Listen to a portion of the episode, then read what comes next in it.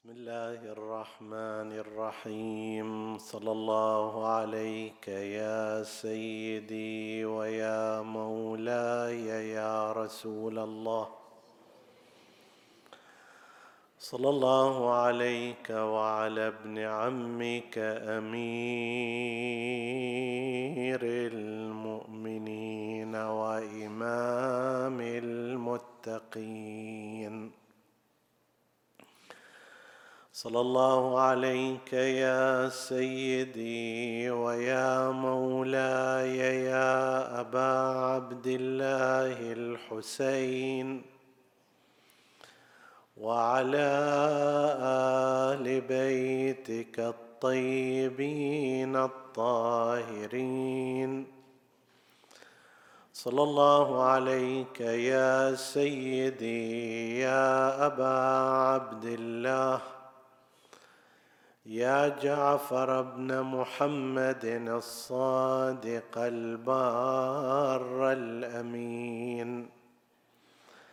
ما خاب من تمسك بكم وامنا من لجأ إليكم. يا ليتنا كنا معكم فنفوز فوزا عظيما. نعزي رسول الله صلى الله عليه وآله والعترة الهادية ومراجع الدين وعامة المؤمنين باستشهاد الإمام السادس من أئمة أهل البيت أبي عبد الله جعفر بن محمد الصادق صلوات الله وسلامه عليه ونسأل الله سبحانه وتعالى أن يزيدنا به معرفة وأن يحشرنا معه يوم القيامة. إنه على كل شيء قدير. ونتحدث هذه الليلة بهذه المناسبة عن مختصر لسيرته الطاهرة من ميلاده إلى شهادته. وقد علمنا أننا لا نستطيع أن نحيط بحياة هذا الإمام العظيم والحجم الكبير للمناقب والفضائل الذي يحتويه شخصه وكمالاته. فإن بعض العلماء قد ألف في حياته أي في حياة الإمام الصادق ما تجاوز الأربعين مجلدا ومع ذلك لم يبلغ كامل حياته ولم يستطع الإحاطة بكل سيرته. ولكن لا يترك الميسور بالمعسور بهذا المقدار المتاح من الوقت نتحدث إن شاء الله عما يكون لنا ولكم وللسامعين اجرا وذخرا إن شاء الله تعالى. ولادة الإمام الصادق عليه السلام على المشهور كانت في سنة ثلاثة وثمانين هجرية وهناك بعض الآراء تقول إنه في سنة ثمانين للهجرة.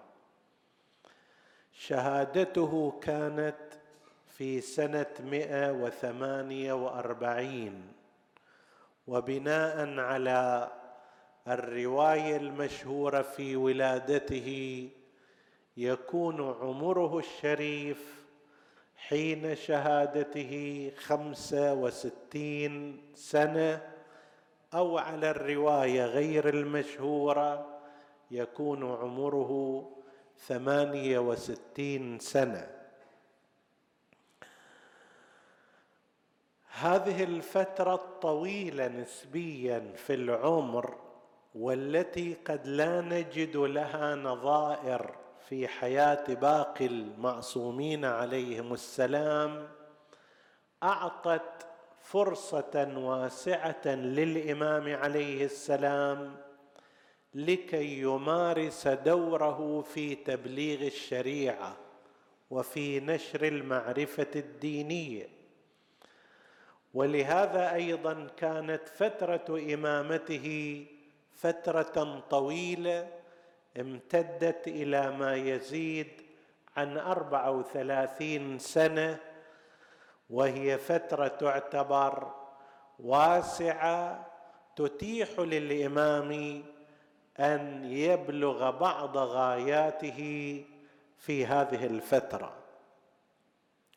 في قضية ولادة الإمام الصادق عليه السلام نشير إلى قضية عادة تطرح في أثناء السجال العقدي والمذهبي وهي ما روي عنه عليه السلام أنه قال ولدني أبو بكر مرتين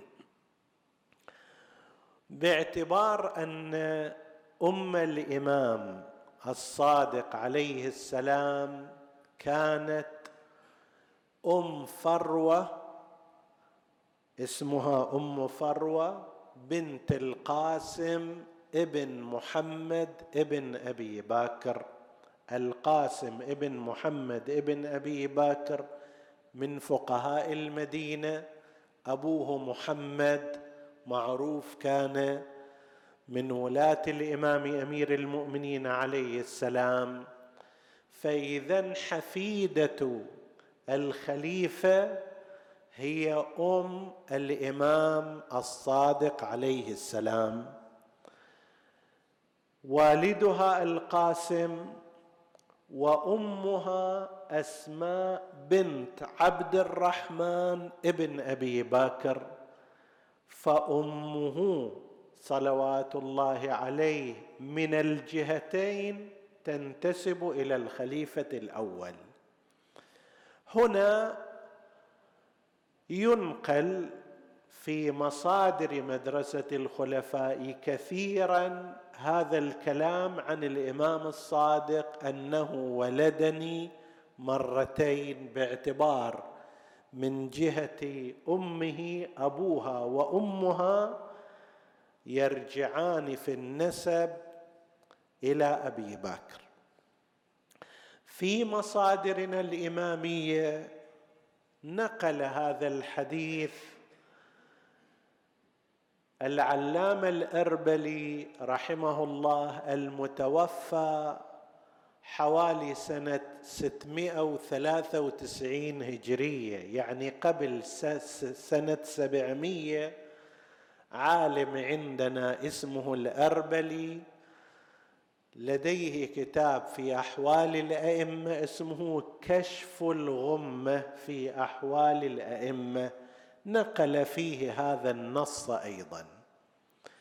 تارة نتحدث عن هذا النص إن تم من الناحية السندية لأن بعضهم يقول إن في مصادرنا الحديثية الأساسية لم يرد هذا النص بسند معتبر وإنما ورد في مصادر السيرة في وقت متأخر والأربلي كتب في مقدمة كتابه أنه استشهد غالبا بما رواه الجمهور يعني مدرسة الخلفاء فذلك أدعى للقبول منهم.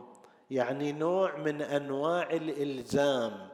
أنا إذا جبت لك أحاديث من مصادر أنت تعتقد فيها فهذا يكون سببا أكثر لكي تصدق بها.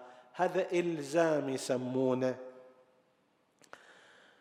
فيقول أكثر ما في هذا الكتاب هو من مصادر الجمهور من المدرسة الأخرى. الغرض فيه أيضا هو الإلزام للطرف الآخر.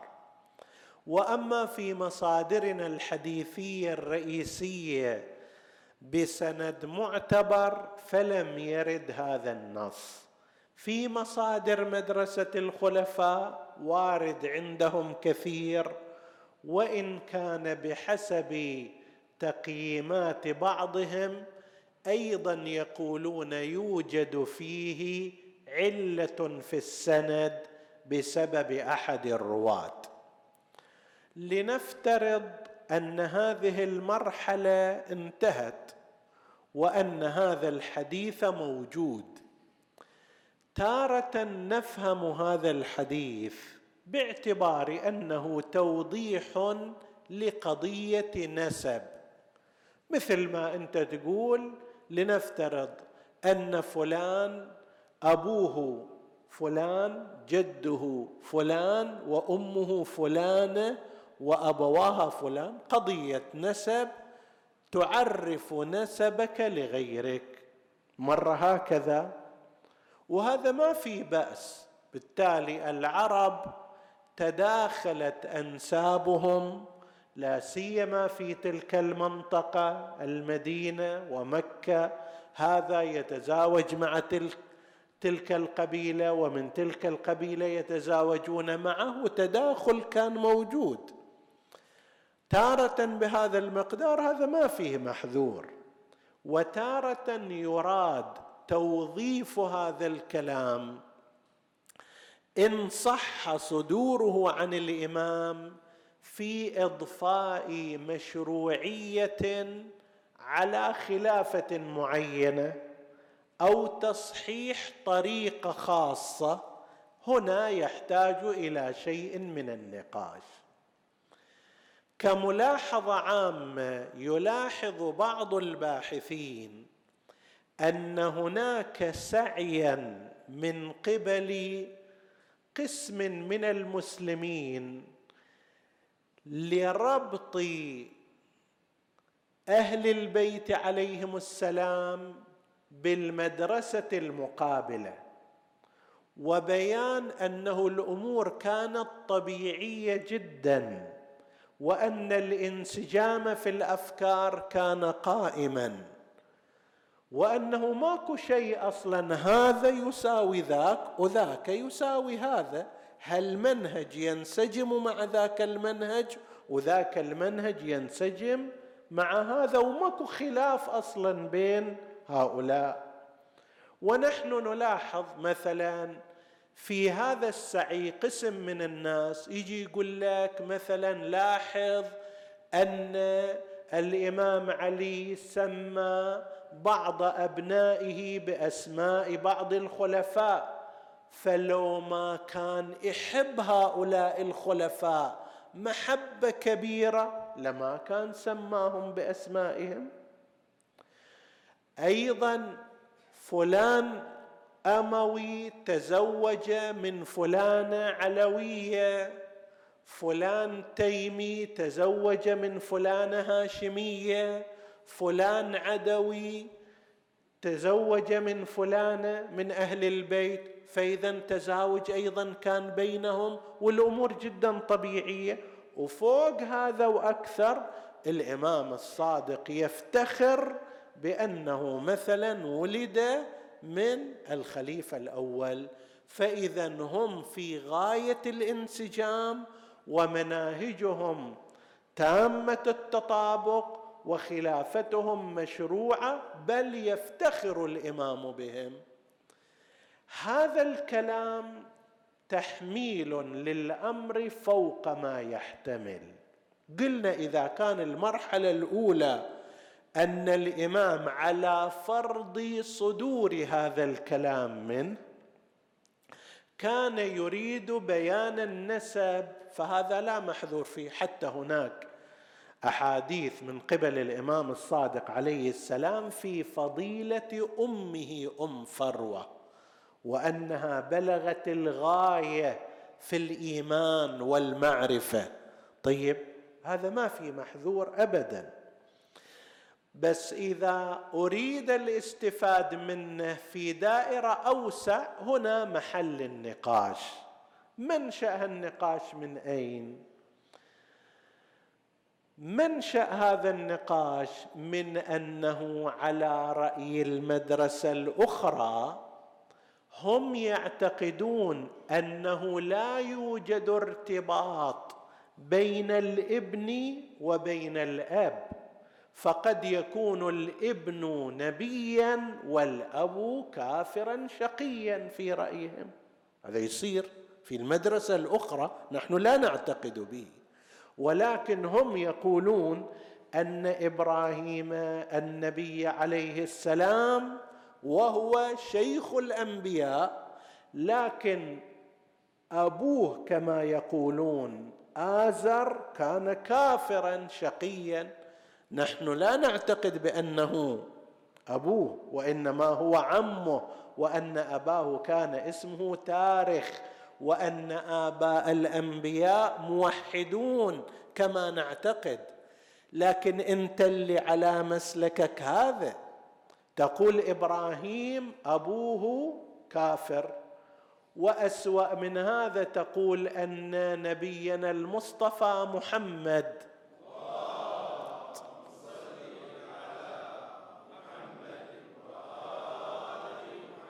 كان أبوه وجده عبد المطلب من أهل النار. طيب هذا يقولونه ومكتوب في كتبهم الحديثية أن النبي قال لأحد كفار قريش إن أبي لأحد مسلمي قريش إن أبي وأباك في النار. فانت اللي تقول ماكو ارتباط بين أن يكون الأب المباشر كافرا شقيا وبين أن يكون الإبن نبيا مقربا. كيف هناك صار؟ ماكو ارتباط وهنا صار ارتباط. لازم توحد المنهج إما أن تقول أن الإبن إذا كان نبي ولي إمام لازم يكون ابائه كذلك. فلازم تلتزم في قضية النبي محمد والنبي إبراهيم وسائر الأنبياء بنفس هذا الكلام. أما أن تعتقد هناك يصير واحد كافر الأب والابن نبي كيف يكون هذا؟ فهذا نسميه إحنا جواب نقضي أنه هذه الطريقة من تحليل الأمور طريقة غير صحيحة. كل شيء في محله الإمام يبين نسبه وهذا ملف. الخلافة إليها ملف آخر ممكن يتكلم عنه أمير المؤمنين في الخطبة الشقشقية. هذا ما يخالف ذاك. هذا في محله ذاك في محله. قضية إدارة الحكم شكل ثالث قضية العلم أي أصحاب رسول الله أعلم ملف ثالث ورابع وهكذا. فأن تجي أنت لكي تستفيد من هذا الكلام إذا صح صدوره عن الإمام في بيان أن الخلافه ومنهجها وطريقتها وأسلوبها كان محل افتخار من الإمام الصادق. هذا الكلام لا يتحمل مثل هذا المعنى. طيب هذا واحد من الأمور. فاولا نحن نقول أن ما جاء من الحديث هذا المذكور في مصادرنا الأساسية الرئيسية لم يأتي بسند معتبر. وأيضا ما جاء في غير مصادرنا أيضا في سنده بعض الملاحظات على فرض أنه قبلنا ذلك نقبله في حدود دائرة بيان النسب أن الإمام عليه السلام كان يشير إلى نسبه وأن أمه كذا وكذا. طبعا هناك بعض الآراء قالها قسم من الناس انه هذه أم فروة ليست بنت القاسم ابن محمد ابن أبي بكر ابن أبي قحافة وإنما ابن واحد آخر. لا هذا لا لا لا يقبله التاريخ. هذا من إنكار الواضحات. إذا واحد جر في الأمور إلى الشكل بإمكانه أن يشكك في كل الأنساب وفي كل الأسماء. لا الثابت تاريخيا هو هذا وحد ذلك هو التعريف بالنسب على فرض صدور هذا الحديث. أكثر من هذا لا يتحمل هذا الحديث فضلا عن في مسألة هي أقرب إلى المسائل العقدية وهي مدى تطابق وانسجام. مدرسة أهل البيت عليهم السلام مع سائر المدارس الأخرى. المهم هذه فد الفاته وإشارة أردنا أن نشير إليها نظرا لأنه يلاحظ أن كل من ترجم من غير مدرسة أهل البيت للإمام الصادق كل تركيزه على هذا الموضوع لتوظيفه في المسألة العقائدية. فإذا والدة الإمام عليه السلام المكرمة الممدوحة من قبل الإمام عليه السلام كانت أم فروة بنت القاسم ابن محمد ابن أبي بكر القاسم ابن محمد ابن أبي بكر واحد من فقهاء المدينة أخذ العلم أيضا من الإمام زين العابدين في جملة من أخذ عن الإمام زين العابدين من فقهاء المدينة. عاش الإمام الصادق عليه السلام وعاصر الإمام السجاد مدة 13 سنة على المشهور. 13 سنه عاصر فيها الإمام السجاد ولا ريب أنه قد لحظ في الإمام السجاد عليه السلام ما كان ظاهرا منه في قضية إحياء موضوع كربلاء وإحياء مأساتها وأيضا الجوانب الأخرى كاهتمام الإمام بقضية الدعاء وما شابه. بعد ذلك صار في زمان أبيه الإمام الباقر سلام الله عليه. زمان الإمام الباقر نحن نلحظ أن الإمام الصادق عليه السلام كان لصيقا بأبيه وكان في سفرات الإمام الباقر نلحظ حضور الإمام بمثابة العضد واليمين لأبيه الباقر.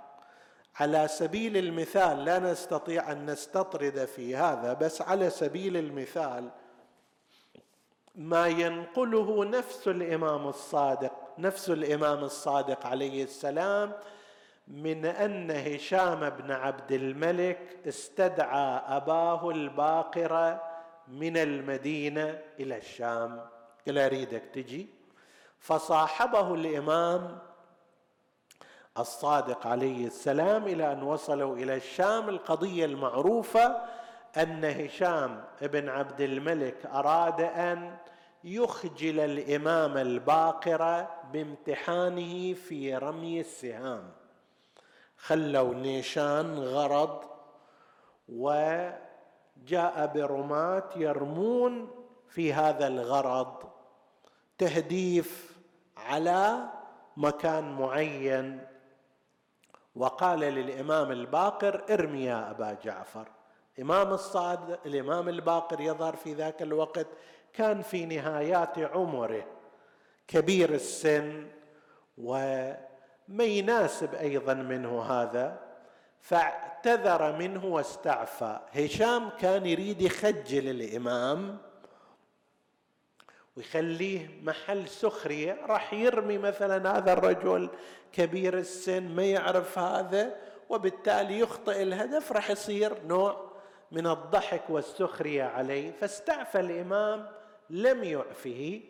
فالإمام عليه السلام رمى رميا. نحن نعتقد أن الله الذي يدافع عن الذين آمنوا في الحياة الدنيا هو أولى أن يدافع عن أئمة الذين آمنوا وأن ينصرهم وأن يؤيدهم.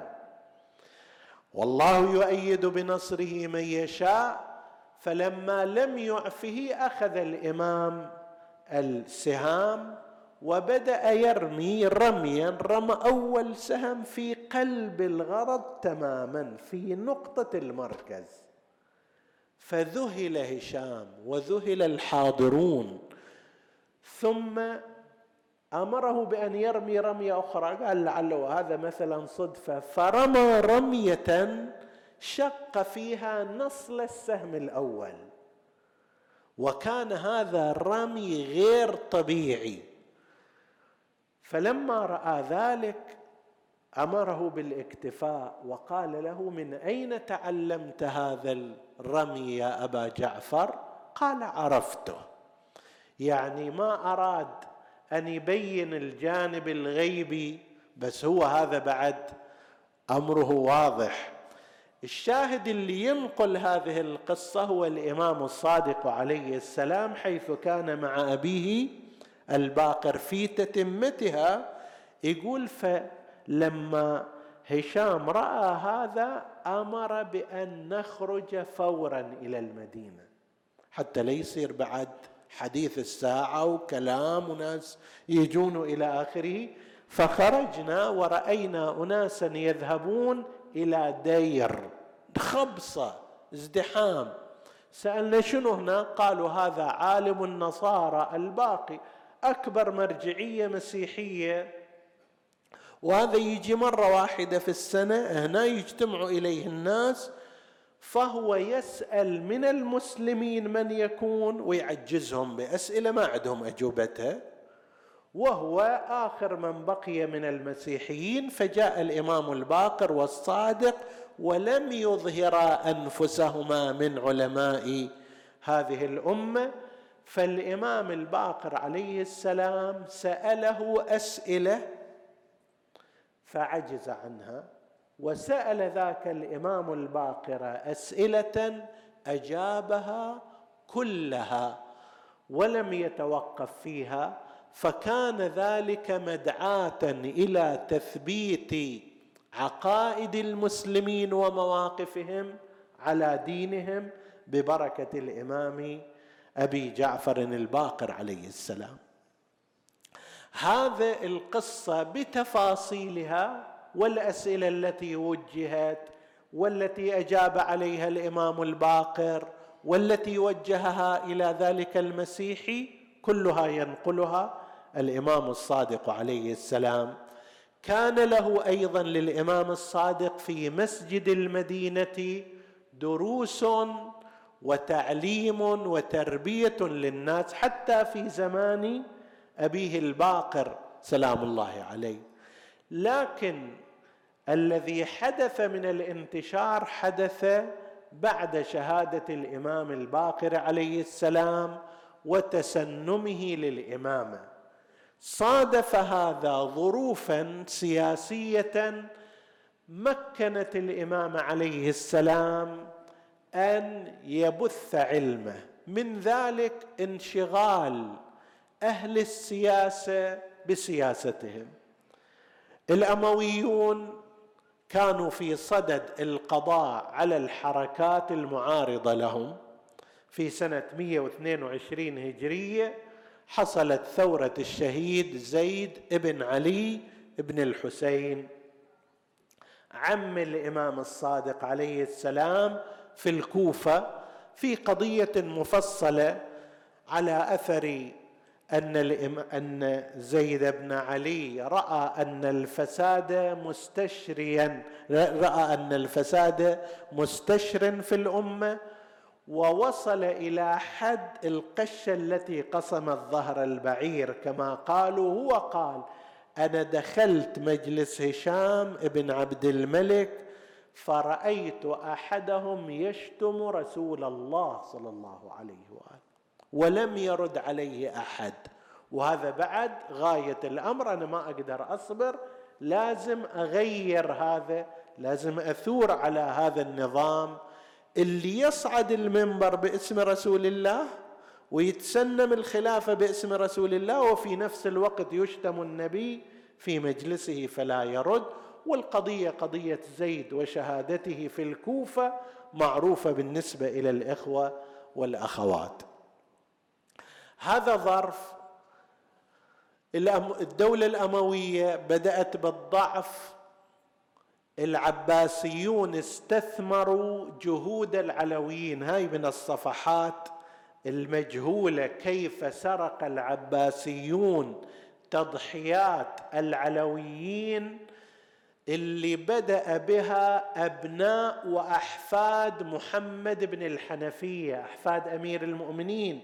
عليه السلام اللي هم بدأوا في حركة مضادة للأمويين وسووا إليهم نشاط معارض إلى الأمويين في بلاد الشام في الكوفة في مناطق مختلفة على أثر أن الأمويين سموا قاموا بتسميم قائد الثورة هذا العلوي في طريقه.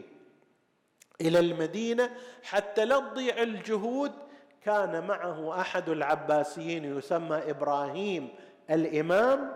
سمي إبراهيم الإمام فيما بعد أطلق عليه وهو من العباسيين.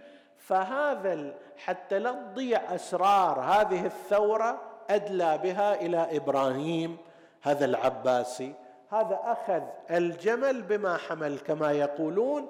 وجير النهضه والحركة كلها باتجاه العباسيين وطلع العلويين بالكامل من القضية.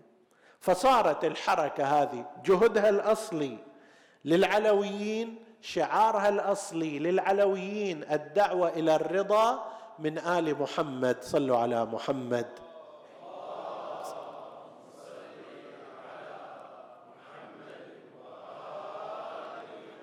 أرضيتها كانت على أساس الانتقام من الأمويين لدماء الحسين عليه السلام بس هذول أخذوها وسحبوها باتجاه العباسيين. وقامت هذه الدعوة العباسية اللي العلويون لم يقبلوا بها. صارت نهضات أبناء الحسن أحفاد الحسن محمد النفس الزكي الزكية إخوانه كانوا مخالفين لها وهذه بحث تاريخي يحتاج إلى تفصيل. الشاهد هذا الوضع السياسي جعل أهل السياسة من الأمويين والعباسيين مشغولين بأمورهم السياسية ومعاركهم. فصارت الفرصة سانحة للإمام عليه السلام لكي يقوم بدوره الأساسي في بيان الشريعة وفي تبليغ الدين. وأن يكمل ما بدأه اولا أمير المؤمنين عليه السلام وثنى به الإمام الباقر لكن الانفجار العلمي اللي صار في زمان الإمام الصادق على يده كان أكبر من كل شيء. أنا هنا لا أستطيع أن أفصل لكن أعطيك بعض الأرقام وانت تامل فيها. حيث أنها مشيرة إلى الحجم العلمي الذي قام به الإمام الصادق عليه السلام. الإمام سلام الله عليه ينقل ابن عقدة الهمداني متوفى سنة 333 هجرية وهو من حفاظ الحديث ومن الرجاليين الكبار ومعتمد في المدرستين. يقول بلغ الرواة والتلامذة الذين كانوا عند جعفر بن محمد أربعة آلاف شخص. أربعة آلاف تلميذ وراوي. وعالم أخذوا العلم من الإمام الصادق. أنت إذا تأخذ مثل جابر بن حيان الكوفي نموذج من هؤلاء جابر بن حيان الكوفي ألف كما يقول مترجموه قريب من ثلاثة آلاف كتاب ورسالة. ثلاثة آلاف كتاب ورسالة وأكثرها في فنون العلم الحديثه كالكيمياء وما يتبعها من أمور. وهذا التراث العلمي الضخم أخذه الأوروبيون في فترات مختلفة واستفادوا منه استفادات كثيرة. تصور ثلاثة آلاف من بطل الكيمياء ورجل الكيمياء في تاريخ المسلمين جابر بن حيان الكوفي. هذا واحد من تلامذة الإمام الأربعة آلاف. أبان ابن تغلب الكوفي اللي يقول فيه الإمام الصادق لقد أوجع قلبي موت أبان لأنه توفي في أيام الإمام الصادق عليه السلام. أخذ عن الإمام الصادق وعن الإمام الباقر كما قالوا قريب من ثلاثين ألف حديث. إذا تريد تعرف معنى ثلاثين ألف حديث معنى ذلك تشوف صحيح البخاري خمس مرات ست مرات يصير ثلاثين ألف حديث. تأخذ مثل الكافي مرتين يصير ثلاثين ألف حديث أو نحوها. هذا واحد من الرواة وهو أبان ابن تغلب. وعلى هالمعدل غير هؤلاء. انت تصور إذا أربعة آلاف واحد بينهم مثل هؤلاء يتلقون العلم عن الإمام الصادق عليه السلام. هذا عدد. احفظه أربعة آلاف راوي من أمثال هؤلاء وأشكالهم. رقم آخر. الحسن ابن علي الوشاء. هذا مو من رواة الإمام الصادق من الطبقة اللي بعده طبقة الإمام الكاظم والرضا. جاء له واحد من بلاد الري. يطلب حديثا يقول أنا سمعت أن عندك أحاديث فأريد تحدثني فيها؟ قال له باكر مر علي قال له لا شي يضمني أن عمري باقي إلى باكر؟ الآن. قال لو كنت أعلم أن في الناس من يطلب الحديث مثل طلبك ما حاضر يأخر إلى ليلة ثانية لأكثرت منه فإني قد أدركت الشاهد هنا فإني قد أدركت في مسجد الكوفة تسعمائة راو كلهم يقول حدثني جعفر بن محمد. عندكم نية صلوات؟ اللهم صل على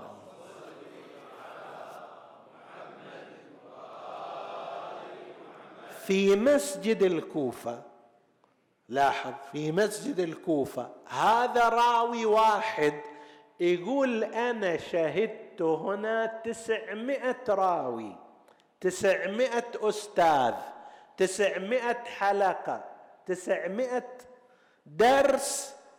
كل واحد من هؤلاء يقول حدثني جعفر بن محمد الصادق صلوات الله وسلامه عليه. هذا بس في مسجد الكوفة. وهذا بس في الكوفة دع عنك المدينة وسائر المناطق الأخرى. فالأساتذة حسب التعبير بين كلام ابن عقدة أربعة آلاف. بين في مسجد الكوفة خذ لأن ابن عقدة عموما سواء كانوا في المدينة أو في مكة أو في الكوفة أو في غيرها من الأماكن ذكرهم. هذا يقول بس في مسجد الكوفة تسعمائة وهذا في خلال كام؟ الإمام الصادق مكث في الكوفة فقط سنتين فقط سنتين. في أول أيام أبي العباس السفاح أول خلفاء بني العباس استدعي الإمام إلى الكوفة وأبقي فسكن في قريب من هالحيرة. طيب وكان الناس يزدحمون عليه. حتى واحد يقول أنه أنا ردت أروح أقابل الإمام عليه السلام فما تيسر لي إلا بعد أربعة أيام. رحت إلى في منزله شفت خف الزحام عنه وسألته عما أحببت. فسنتان هما اللتان كان فيهما الإمام الصادق عليه السلام في الكوفة. بعض الفترات الأخرى كان يذهب ويرجع في طريقه لزيارة الإمام الحسين عليه السلام. كان يصير عنده هالشكل لكن فترة البقاء هالمقدار. وهذه السنة هاتان السنتان أنتجتا تسعمائة راوي في مسجد الكوفة. عندنا عدد ثالث وهو الأصول الأربعمائة.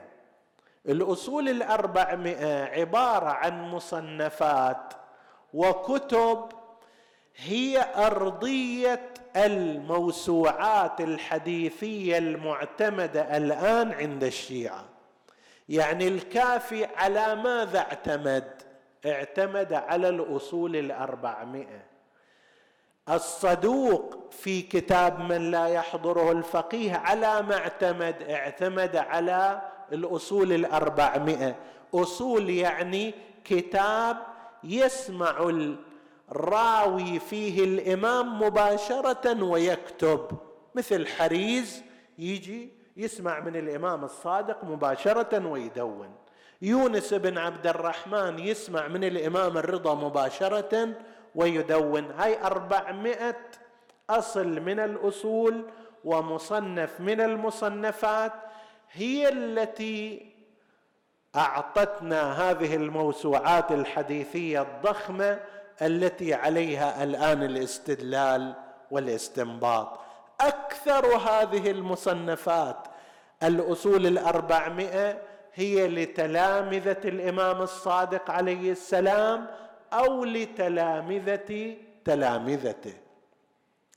هذه بس أرقام وإلا إذا تريد تفاصيل فعليك بالكتب المفصلة ومنها كتاب العلامة الشيخ أسد حيدر الإمام الصادق والمذاهب الأربعة. كتاب قيم في تأريخ الوضع العلمي للإمام الصادق وعلاقته مع سائر المذاهب وتأثيره في أربابها وفي فقهائها ورؤسائها.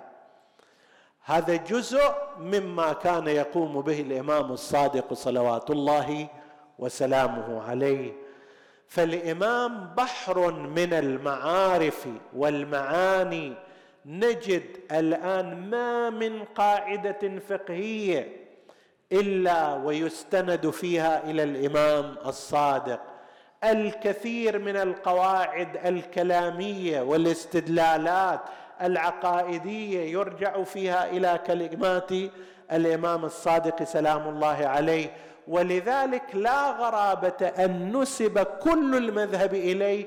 فقيل مذهب جعفر بن محمد ويقال له المذهب الجعفري. مو غريب هذا؟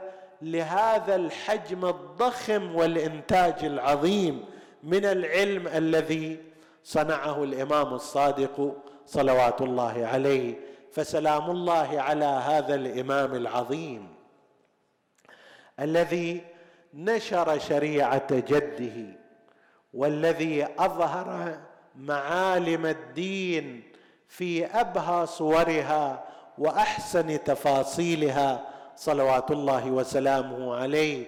والحمد لله أن أكثر تراث الإمام وأحاديثه موجودة ومحفوظة ومدونة وعلى أساسها يستنبط العلماء أحكامهم وفقههم بقي هنا أن أشير إلى نقطة وأنهي بها الحديث. الإمام الصادق عليه السلام في نفس الوقت اللي بث العلم الإمامي بهذا المقدار ركز على نقد بعض المناهج الخاطئة في التفكير والعلم. ومن ذلك ما كان قد نقد فيه منهج القياس البشري الذي كان يعتمد عليه الأحناف. أبو حنيفة وتلامذته. أنا كنت أتساءل في فترة من الزمان لماذا الإمام الصادق أكثر تركيزه على هذا المنهج؟ منهج القياس في نقده مع أن مواقف أبي حنيفة العامة أحسن بالقياس إلى مواقف غيره. يعني من الناحية السياسية والعاطفية هي أحسن من بعض المذاهب الأخرى. مع ذلك الإمام الصادق عليه السلام ركز كثيرا على نقد منهج القياس الذي يعتمد عليه المذهب الحنفي. ليش؟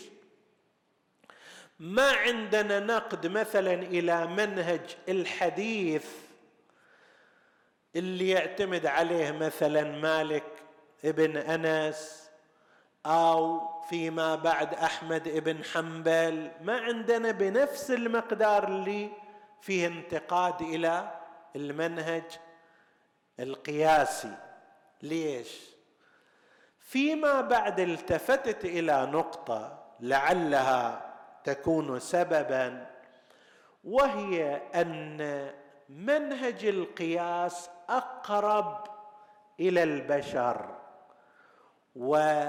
ومقبوليته أكثر وتفاعل الناس معه أكثر.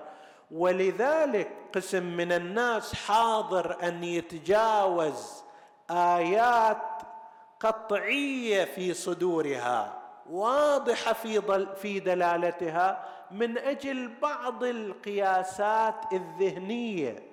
من أجل بعض الاجتهادات الشخصية. واضح وصريح القرآن يقول يوصيكم الله في أولادكم للذكر مثل حظ الأنثيين. آية صريحة واضحة قاطعة جازمة. تجد قسم من الناس في هذه الأزمنة بناء على ما يسمونه من القراءات الجديدة طيب؟ إنه يقول لك لا هذا كان لزمان معين وفترة محددة الآن نحن نعتقد بأن طريقة الدين لابد أن تكون أن الذكر يساوي الأنثى في الميراث. يابا آية أصرح من هالآية؟ ماذا تريد يمشون لك موكب عزة حسب التعبير؟ أكثر من هالآية ما في أكثر صراحة. لكن هذا الإنسان لا سيما إذا استثير فيه هذا الجانب أنه أنت عندك عقل تقدر تفكر. ليش غيرك يفكر عنك؟ غيرك مو أحسن من عندك في عقله ولا في فهمه. أنت أيضا تقدر تقرأ القرآن وتقدر أن تستنبط وتقدر أن تجتهد وتطلع أحكام. طيب وتعالوا أخذ من هذه الأحكام وما أكثرها. ما الذي يساعد على هذا؟ هي الاجتهادات الظنية هي الاستنباطات القياسية. أنا أستقرب أن الموضوع هكذا. هذا أكثر من هذا. هذا أكبر من هذا. هذا يتأثر بذاك فاذا الحكم الشرعي يكون كذا وكذا. ما يدريك أن هناك عوامل أخر عند الله سبحانه وتعالى أنت لا تعلمها. لذلك هنا يحتاج التركيز على نقد هذا المنهج من قبل الإمام الصادق لأنه أقرب إلى النفوس البشرية. ينقل هذه الحادثة أن أبا حنيفة كان يدخل ويتردد على الإمام عليه السلام. ذات مرة جاء إلى المدينة واستأذن الإمام الصادق في الدخول عليه فحجبه الإمام قال له لا تدخلوا. ما يريد يدخل؟ فمكث قليل جاءت جماعة من أهل المدينة يريدون يسلمون على الإمام حسب الرواية فخلط أبو حنيفة نفسه بينهم ودخل.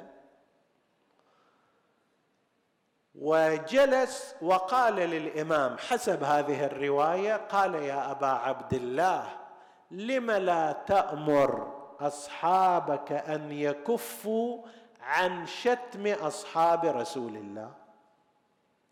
فإني تركتهم في الكوفة وهم يشتمون الأصحاب. قد يكون لأن الإمام الصادق حجبه لأنه راح يحكي مثل هذا الحكي. فالإمام الصادق قال أمرتهم ولا يسمعون قولي. فعلا الإمام الصادق حتى الآن قسم من الناس يقول لك ماكو تقية وتقدر تقول أي شيء حتى لو يسبب أي مشكلة ما في مشكلة. أمرتهم ولا يسمعون قولي. قال كيف لا يسمعون قولك؟ لازم يسمعوا كلامك. قال له أنت أول واحد لا تسمع قولي. قال كيف؟ قال أنت دخلت داري بغير إذني. أنا حجبتك وقلت لهم لا تدخلوا دخلت بدون إذني. هذا أنت سامع كلامي لو؟ عاصمني وتكلمت بمحضري بغير إذني. كان لازم تستأذن. أنا عندي مسألة عندي فكرة. هالشكل من الباب للطاق ليش ما تأمر أصحابك يصنعوا كذا وكذا؟ فأنت أيضا نفس الشيء لم تسمع كلام. ثم إنك تقول بالقياس وأنا لا أقول به وأنهى عنه. فأنت اما تسمع كلامي لا في تلك الممارسات العادية ولا في هذا المنهج. قال بلى أقول بالقياس. قال له زين أيهما أعظم عندك القتل أو الزنا? قال بل القتل أعظم قتل إزهاق النفس فكأنما قتل الناس جميعا. قال فلم لم يرض ربنا في القتل في الزنا إلا بأربعة ورضي في القتل باثنين. تقول بحسب المقاسات العادية بحسب الآراء القتل أعظم أساس زنا واحد سوى معصية جامع امرأة من حرام. بس واحد قص رقبته أفقده الحياة قتل الناس جميعا. زين إذا هالشكل ليش الله قال في الزنا لابد أربعة؟ في القتل اثنين المفروض بالعكس. ما دام ذاك أعظم يحتاج إلى أربعة شهود وهذا أقل يحتاج إلى شاهدين لكن انعكست المسألة. أخبرني البول عندك أشد نجاسة أم المني؟ طبعا المني عند قسم من؟ فقهاء مدرسة الخلفاء غير نجس أصلا. طيب. هسه هذا أقل نجاسة لو ذاك؟ قال بل البول أشد نجاسة. خصوصا على القول بأنه المني ليس بنجس. هذا نجس ذاك مو نجس. قال فلم لم يرضى في المني إلا بالغسل للصلاة ورضي في البول بالوضوء. وظل هكذا يتحدث معه الإمام ينقض عليه بأشياء اللي هذه الأمور ليست بقياساتك تنضبط. إن دين الله لا يصاب بالعقول في هذه الأحكام. في العقائد الأساسية العقل هاد ومرشد لكن في تفاصيل الأحكام ومعرفة عللها القطعية لا لست قادرا على ذلك. أقصى ما تستطيع تقول أظن أن البول أكثر نجاسة من المني. أظن أن القتل أكثر بس أظن ما تقدر تفتي على ضوءها.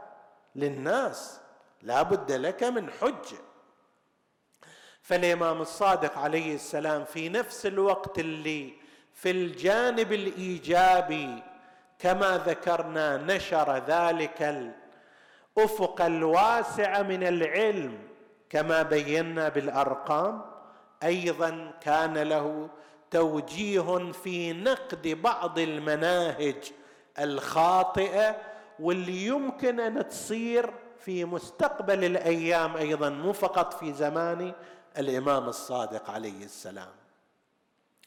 وكان من الحري بهذه الأمة أن تلتفت إلى هذا المقام الشامخ للإمام الصادق عليه السلام وأن تعتني به وأن تجثو بين ركبتيه بين يديه متعلمة من على مستوى الخلفاء إلى مستوى العلماء إلى عامة الناس. لكن للأسف واجهت الخلافة بالتحديد الإمام الصادق بكثير من الجحود بكثير من الظلم بكثير من الإيذاء. ولا سيما في زمان المنصور الدوانيقي.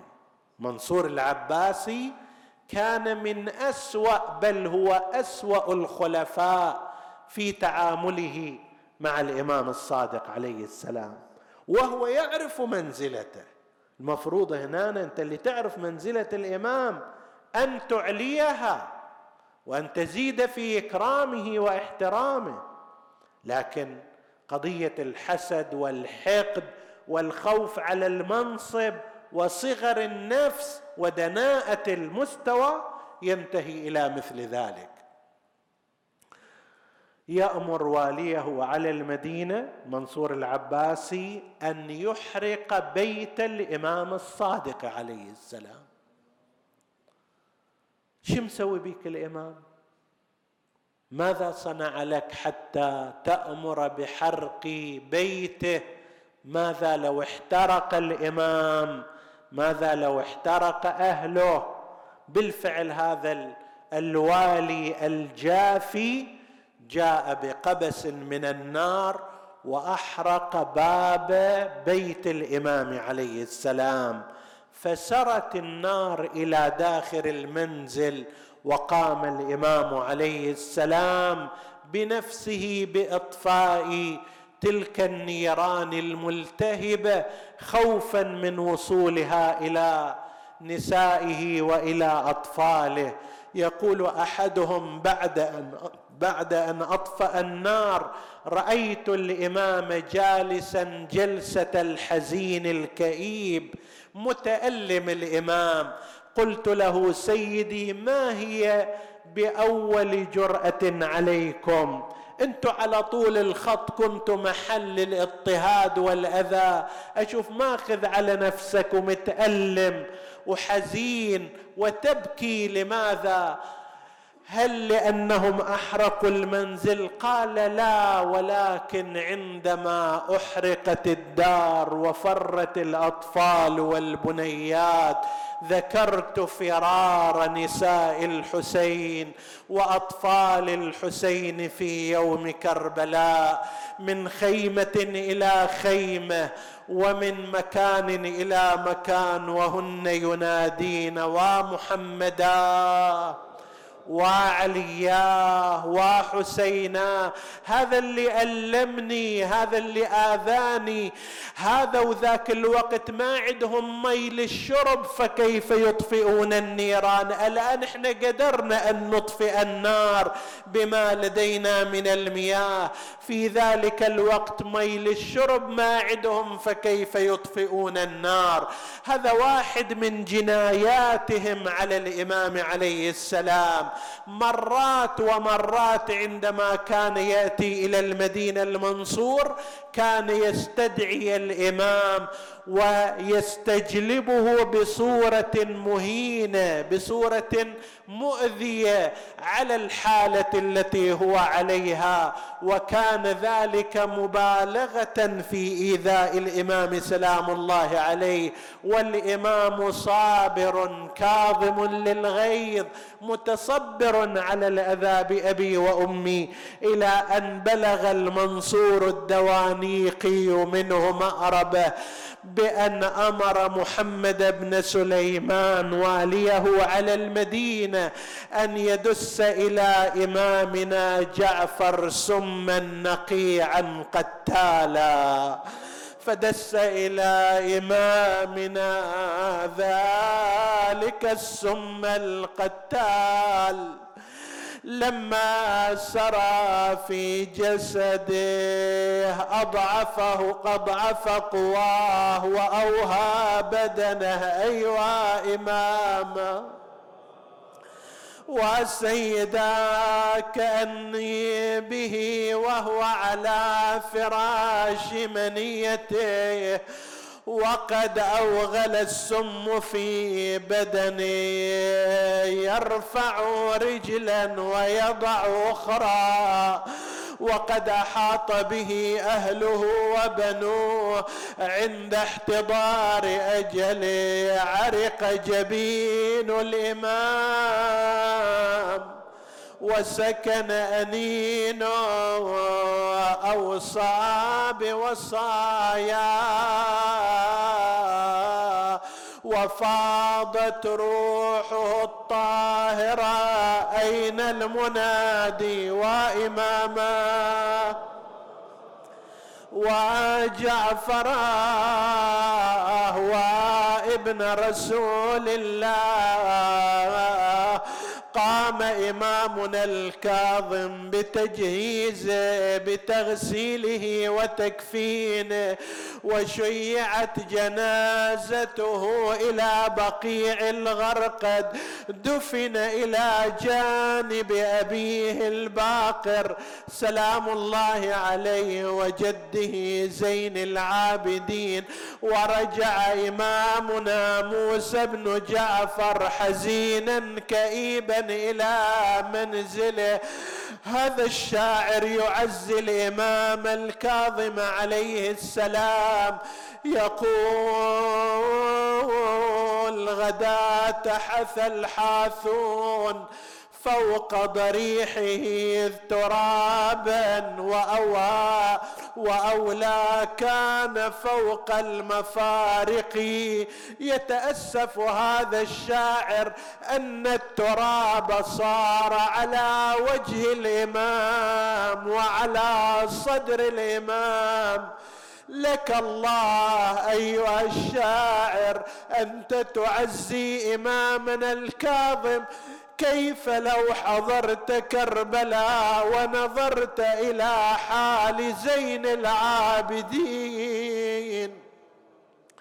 عندما وصل إلى أبيه ووجد ذلك الجسد قطيع الرأس مقطع الأعضاء موزع الأشلاء ساعد الله قلب زين العابدين. اويا لحن ظهر على ابوه حسين. والله يعلم بحاله بدال الجفن والتابوت. لف بارية وشاب ولم الجسد لمقطع وجمع جملة وصار. عجب منا على قبره قلبه من شطر شطره. لو قلنا الجسد لما وشال الخنصر المقطوع والجفين خلاها بجنبه والجسد مجموع. هذا الجسد وين الراس؟ راس على الرمح. مرفوع يتهادوه يا ويلي ومن قلوبهم يشفون. ما إن بقيت من الهوان على الثرى. نسألك اللهم وندعوك باسمك العظيم الأعظم. الأعز الأجل الأكرم يا الله. اغفر لنا ذنوبنا كفر عنا سيئاتنا. آمنا في أوطاننا. لا تسلط علينا من لا يخافك ولا يرحمنا. ولا تفرق بيننا وبين محمد وآله طرفة عين. احفظ اللهم إخواني الحاضرين فردا فردا واقض حوائجهم. اشف اللهم مرضاهم تقبل عمل المؤسسين بأحسن القبول إلى أرواح موتاهم وموتى السامعين. نهدي ثواب الفاتحة تسبقها الصلوات.